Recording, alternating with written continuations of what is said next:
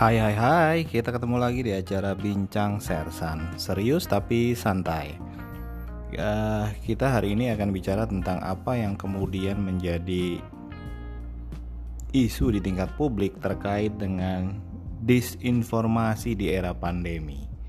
Ya, kita pernah uh, bicarakan terkait dengan apa yang dikenal sebagai infodemic. Ada situasi di mana kemudian informasi tentang pandemi itu terdistorsi gitu ya.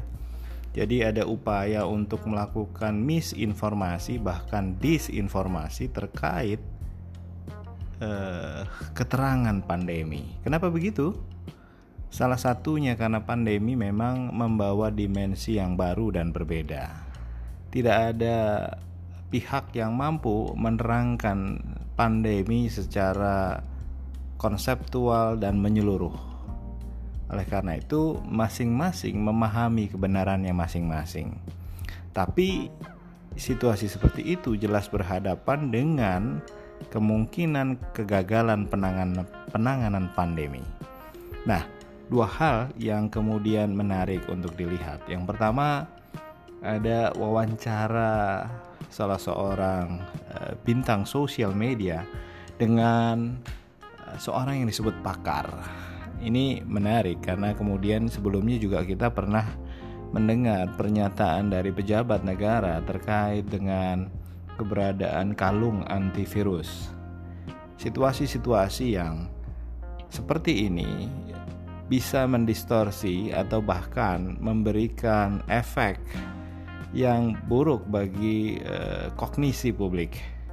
Jadi pengetahuan yang tidak utuh itu menjadi satu buah simalakama dari upaya untuk mampu mengatasi pandemi.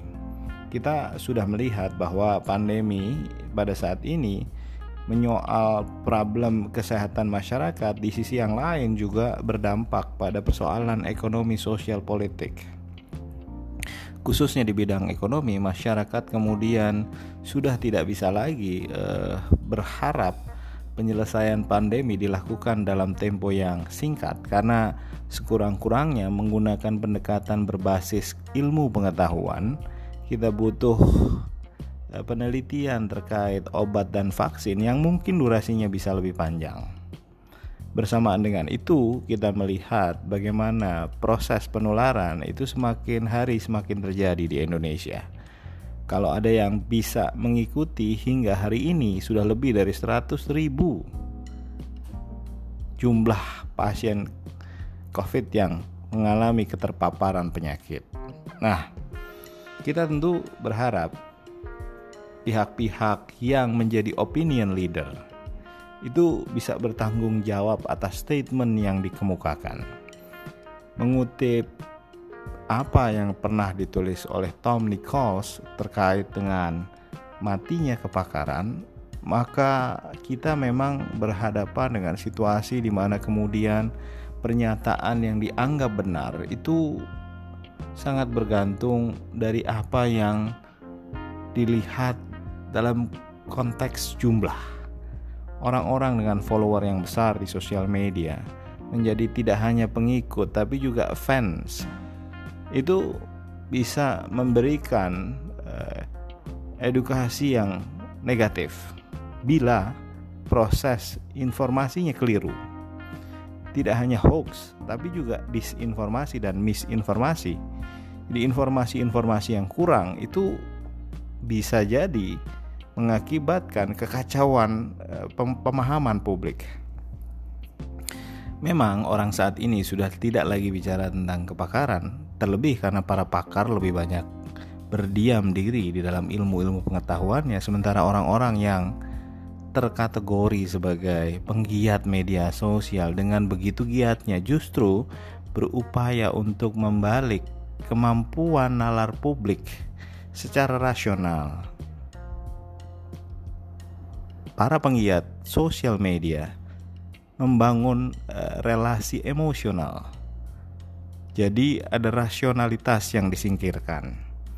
Kita tentu berharap pemerintah mampu melakukan upaya yang serius untuk membangun literasi dan edukasi yang sama kuatnya. Satu tantangan terbesar karena para penggiat sosial media biasanya bekerja dalam alur algoritma post-truth pasca kebenaran, maka hal-hal yang dianggap benar itu adalah hal-hal yang subjektif dan emosional pemerintah harus merumuskan bentuk regulasi yang tepat agar tidak kebablasan tapi juga tidak anti demokrasi. Salah satu yang diperhadapkan ketika kita berhadapan dengan para penggiat sosial media, para opinion leader, para informal leader, itu adalah soal kebebasan berpendapat, beropini, menyampaikan gagasan. Dalam situasi seperti itu, harus ada batasan yang jelas terkait dengan penjelasan yang dimaknai sebagai suara gagasan pendapat dengan berita bohong. Berita bohong pada prinsipnya bukan berita, karena fake news is not a news. Fake news is a lie. Itu kebohongan, gitu ya.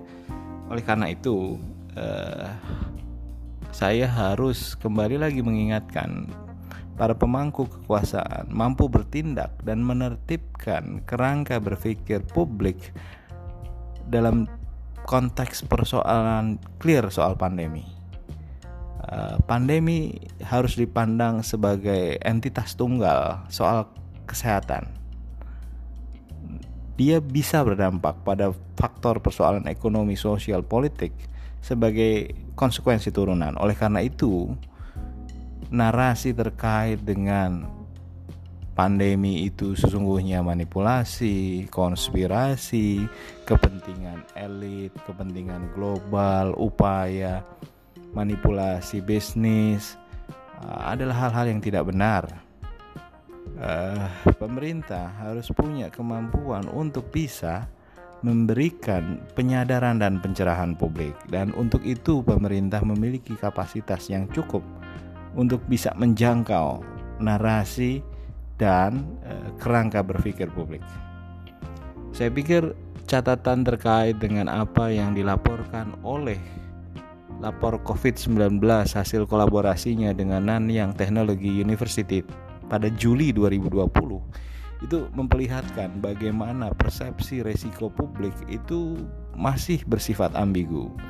Publik menilai kondisi di luar dirinya itu memiliki potensi resiko. Sementara publik menilai dirinya dalam konteks internal, individual dan subjektif itu bebas resiko. Ini situasi yang harusnya bisa dibenahi karena satu-satunya cara untuk bisa memberikan pemahaman dan penyadaran itu dengan membangun relasi saling percaya. Satu sisi narasi tentang konspirasi, tentang upaya manipulasi, tentang kerangka kepentingan bisnis dari COVID-19 dan pandemi itu tidak mampu dijawab dengan jelas oleh kekuasaan dan lebih jauh lagi, kekuasaan tidak mampu membangun rasa percaya yang bisa mengakibatkan ketertundukan yang mampu menciptakan kepatuhan. Di situasi tersebut sangat dilematis.